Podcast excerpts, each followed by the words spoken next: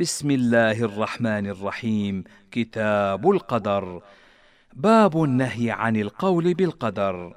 وحدثني عن مالك عن أبي الزناد عن الأعرج عن أبي هريرة أن رسول الله صلى الله عليه وسلم قال تحاج آدم وموسى فحج آدم موسى قال له موسى أنت آدم الذي أغويت الناس وأخرجتهم من الجنة.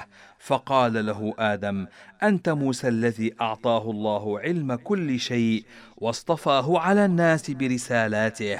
قال نعم. قال أفتلومني على أمر قد قدر علي قبل أن أخلق.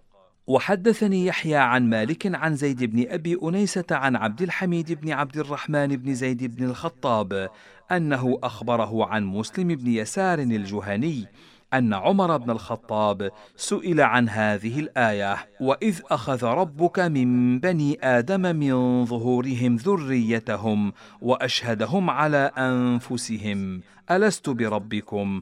قالوا بلى شهدنا. أن تقولوا يوم القيامة إنا كنا عن هذا غافلين.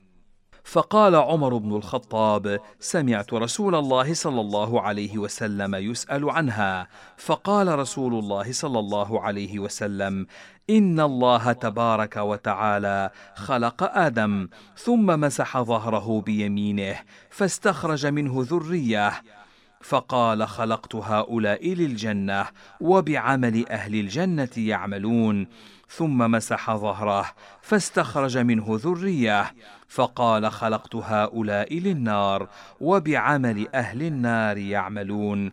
فقال رجل يا رسول الله ففيما العمل؟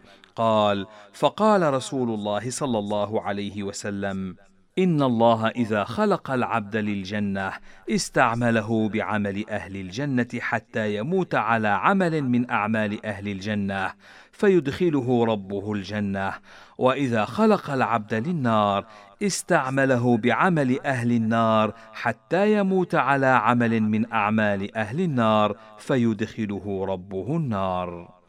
وحدثني عن مالك أنه بلغه أن رسول الله صلى الله عليه وسلم قال تركت فيكم أمرين لن تضلوا ما تمسكتم بهما كتاب الله وسنة نبيه.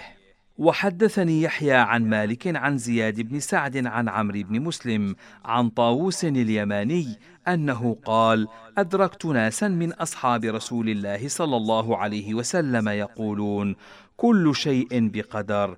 قال طاووس وسمعت عبد الله بن عمر يقول قال رسول الله صلى الله عليه وسلم كل شيء بقدر حتى العجز والكيس أو الكيس والعجز.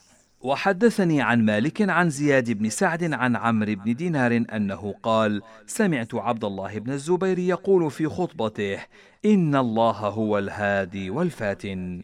وحدثني عن مالك عن عمه أبي سهيل بن مالك أنه قال كنت أسير مع عمر بن عبد العزيز فقال ما رأيك في هؤلاء القدرية؟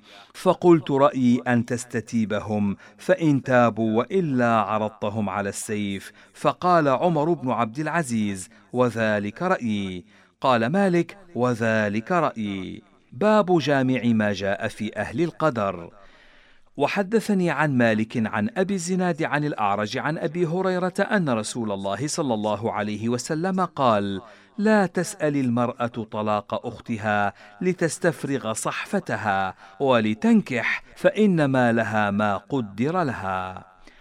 وحدثني عن مالك عن يزيد بن زياد عن محمد بن كعب القرظي قال قال معاوية بن أبي سفيان وهو على المنبر أيها الناس إنه لا مانع لما أعطى الله ولا معطي لما منع الله ولا ينفع ذا الجد منه الجد. من يرد الله به خيرا يفقهه في الدين. ثم قال معاوية سمعت هؤلاء الكلمات من رسول الله صلى الله عليه وسلم على هذه الأعواد. وحدثني يحيى عن مالك أنه بلغه أنه كان يقال الحمد لله الذي خلق كل شيء كما ينبغي الذي لا يعجل شيء أناه وقدره حسبي الله وكفى سمع الله لمن دعا ليس وراء الله مرمى. وحدثني عن مالك أنه بلغه أنه كان يقال إن أحدا لن يموت حتى يستكمل رزقه فأجملوا في الطلب.